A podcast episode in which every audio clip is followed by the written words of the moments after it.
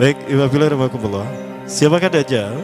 Dajjal ini lahir di Samirah dan dia diberi nama Samiri karena lahir di Samirah. Nah, kenapa disebut Samiri? Karena lahir di Samirah. Dia lahir 100 tahun sebelum Nabi Musa diutus.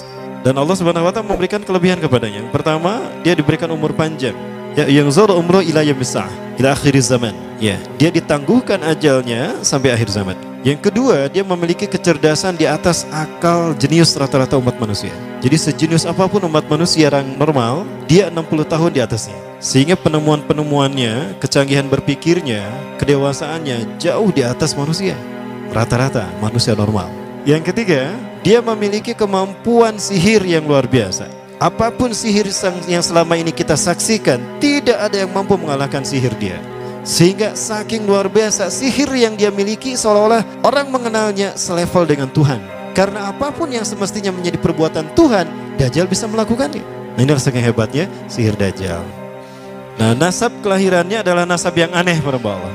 Dia lahir dari termasuk Bani Israel. Bani Israel ini keturunan Nabi Yakub. Yakub itu gelarnya Israel. Keturunannya disebut Bani Israel. Dari Yehuda. Yehuda ini adalah anak laki-laki dari istri pertama Nabi Yakub alaihissalam. Nabi Yakub istrinya empat. Yang pertama bernama Ya'la. Dari Ya'la ini melahirkan enam orang. Salah satunya bernama Yehuda dan Lewi. Lewi melahirkan Nabi Musa alaihissalam. Yehuda melahirkan bangsa yang kita kenal Yahudi. Salah satunya Yehuda ini melahirkan generasi yang pada akhirnya melahirkan Samiri. Ya, kalau Rahil istri yang kedua dan ini istri yang paling dicintai oleh Nabi Yakub melahirkan dua anak, Bunyamin dan Nabi Yusuf. Nabi Yusuf dan Bunyamin. Yang lainnya juga sama melahirkan dua anak. Kahit dari Ya'la melahirkan dua anak, Dam dan, dan, Naftali. Ya. Anak tertua dari Nabi Yakub dari istri pertama bernama Raubin. Nah, dari Yehuda inilah lahir Samiri. Nah, ayah dan ibunya, kakek dan nenek Samiri ini adalah para penyembah berhala. Karena Samiroh saat itu terkenal penyembah berhala. Ayahnya ini lahir dari proses perzinahan adik dan kakak, incest. Adik dan kakak berzina lahir ayahnya adik dan kakak berzina lahir ibunya. Jadi ayah dan ibunya ini lahir dari proses yang haram. Dan ketika ibunya menstruasi disetubuhi sama ayahnya. Jadi itu peluangnya dari 2000 persetubuhan dalam keadaan menstruasi satu bisa jadi. Karena menurut penelitian medis juga bahwa darah kotor tidak menghalangi terjadinya fertilisasi, tidak menghalangi terjadinya reproduksi manusia.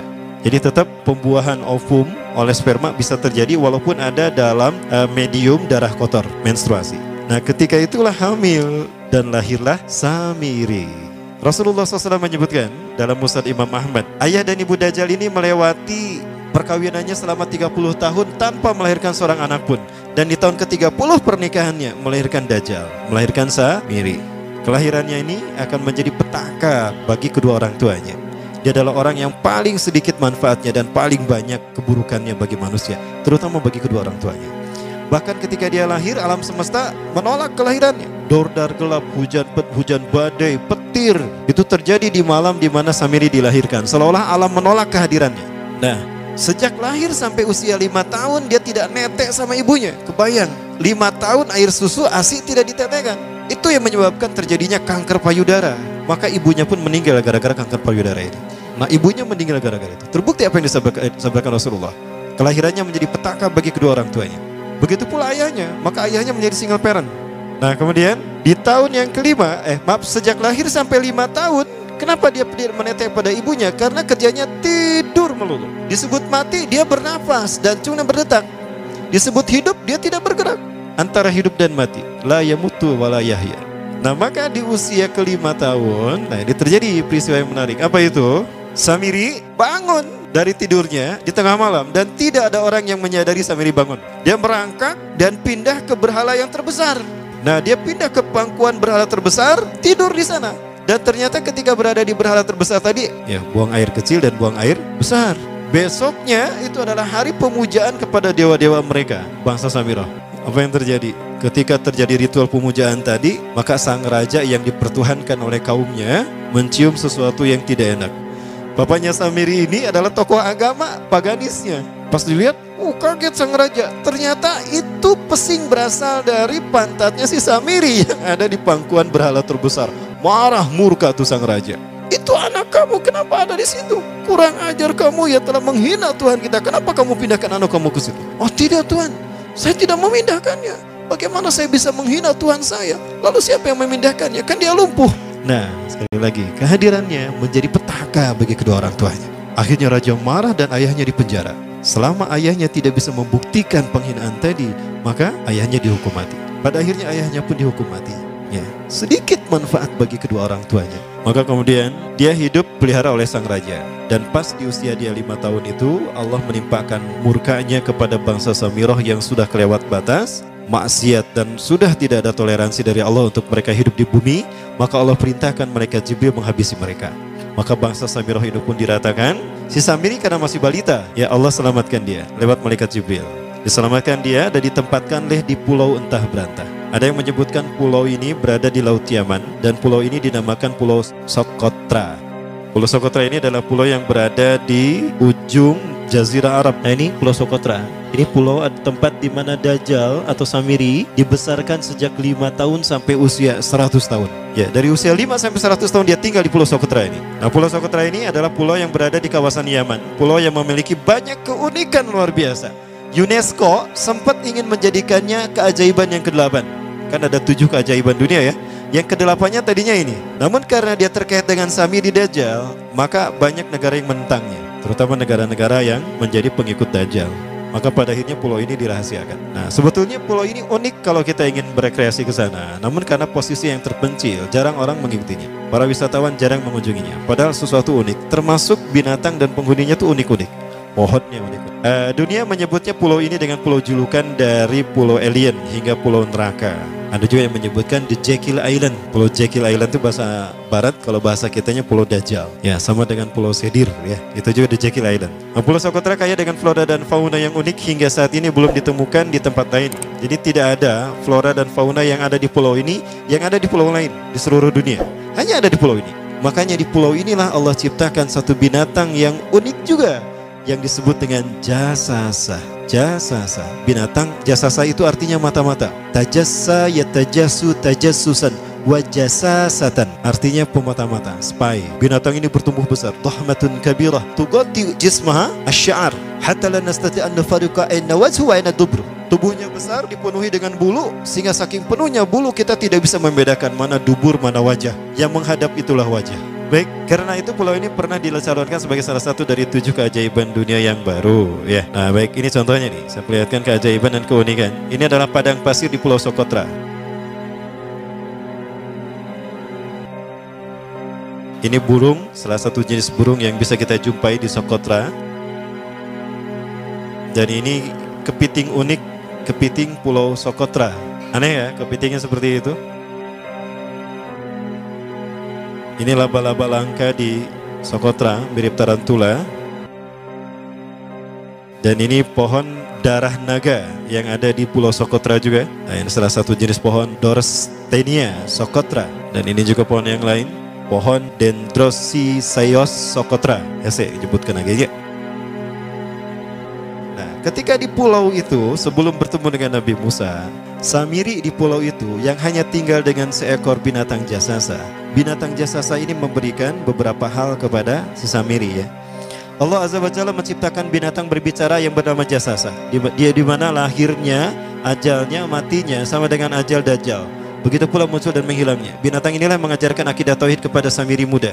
Pelajaran ini kononnya ditulis oleh Jibril alaihissalam dalam bentuk panel-panel atau prasasti. Isi prasastinya panel satu yang ditulis oleh malaikat Jibril, panel satu itu berisi kalimat la ilaha illallah, tidak ada Tuhan selain Allah. Ini dijelaskan oleh binatang jasasa. Yang kedua, panel kedua berkata Allah wahid la syarikalah. Allah Maha Esa, tidak ada sekutu bagi Allah. Itu dijelaskan juga oleh binatang jasasa ini. Nah, binatang jasasa ini sekali lagi dia bertubuh besar. Kategorinya adalah kelasnya itu mamalia, genusnya mamalia. Cuma saya tidak tahu nama spesiesnya apa. Pada tahun 2017, akhir dari bulan Agustus di Filipina ditemukan binatang seperti ini. Ciri-ciri binatang ini nyaris sempurna seperti ciri-ciri binatang jasa yang disebutkan Rasulullah terkait dengan binatang yang memata-matai dajjal. Tubuhnya penuh dengan bulu. Ini disebutkan dalam surat An-Naml ayat ke-82. Ya, binatang ini seperti ini dan dia tidak pernah jauh dari laut karena dia selalu ingin membasahi tubuhnya dan dia pun makan dari makanan ikan laut. Maka dia tidak pernah jauh dari pantai. Seperti ini. Nah binatang inilah yang mengajarkan prasasti kepada, mengajarkan akidah tauhid kepada Samiri, Samiri muda. Yang ketiga, engkau diurus oleh Jibril, karena itu janganlah engkau mengkhianati janjimu dengan Allah. hanya engkau saja di pulau ini. Panel yang kelima, makanlah dan nikmatilah makanan minuman yang menjadi rizki dari Allah sesuai kehendakmu. Tidurlah sesukamu, tapi sembahlah Allah dalam berbagai keadaanmu dengan tasbih keesaan Allah kepadanya, yaitu dengan melaksanakan solat yang diwajibkan kepadamu. Allah lah sang raja, Allah yang maha esa. Dia tidak berayah dan tidak pula mempunyai anak. Allah tua Tuhan yang maha besar dan maha agung. Dialah yang maha raja. Ada tujuh panel. Panel yang ketujuh bercerita tentang Nabi Muhammad. Panel yang ke-6 itu bercerita tentang nabi-nabi dan khusus panel yang ketujuh cerita tentang Nabi Muhammad. Jadi Dajjal sudah tahu, Samiri sudah tahu bahwa akan diutus Nabi Muhammad di akhir zaman. Dan itu nabi yang terbaik, makanya dia iri. Nah, selesai panel ini disampaikan maka binatang sejasa berkata, "Wahai binat, wahai Samiri, saksikanlah aku telah menunaikan innani qad fa'altu ma umirtu li, ma umirtu min rabbi." Demi Allah saksikan aku sudah menunaikan apa yang diperintahkan padaku kata bidang jasasa. Maka sekarang adalah perintah pertahir yaitu pertanyaan dariku untukmu. Hal tu'minu billah? Apakah kau beriman pada Allah? Wa bima unzila ilaih? Dan dari apa yang diturunkan kepada nabi-nabinya? Kepada Jibril maksudnya. Famadal jawab ya Samiri. Apa jawabanmu hai Samiri?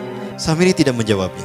Lama ditunggu-tunggu Samiri tidak menjawabnya. Sehingga binatang ini pun pergi dengan menjerit dengan jeritan yang membuat Samiri ini pekak telinganya.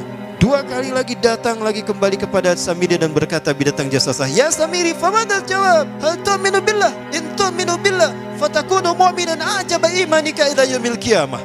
Jika kau beriman kepada Allah, maka sungguh kau akan menjadi mukmin yang menakjubkan imannya. Inna ajaluka, inna ajalaka ukhirat ila akhir zaman. Sesungguhnya ajalmu ditangguhkan sampai akhir zaman. Jika kau beriman pada Allah, engkau akan menjadi mukmin yang menakjubkan. Fa lam tu'min billah, tapi jika engkau tidak beriman kepada Allah, Wabima unzila ilaih dan apa pun yang diturunkan pada Jibril innaka minal mal'unina ila yaumil qiyamah dan kau terkutuk sampai hari kiamat nanti tidak juga dijawab pergi lagi binatang jasasah tadi sambil memekikkan suara yang pekikan yang keras yang ketiga kali yang terakhir dia bertanya kembali dan apa jawaban Samiri hei jasasah binatang buruk rupa lihat di pulau ini tidak ada siapa pun kecuali engkau dan aku dan yakinilah kalau panel ini bukan tentang Allah yang di langit sana, tapi yang disebut Allah itu saya. Hei jasasa, akulah Allah itu. Oh dia menjerit dengan jeritan yang makin keras. Sampai si Samiri pun menutup kedua telinganya. Sejak saat itulah binatang itu pergi dan berkata, Inna dajjal, inna dajjal, inna dajjal. Engkau adalah pendusta, engkau adalah pendusta. Pendusta-pendusta sampai hilang suaranya. Di saat itulah Samiri mendapatkan gelar Dajjal. Jadi siapa nama asli Dajjal?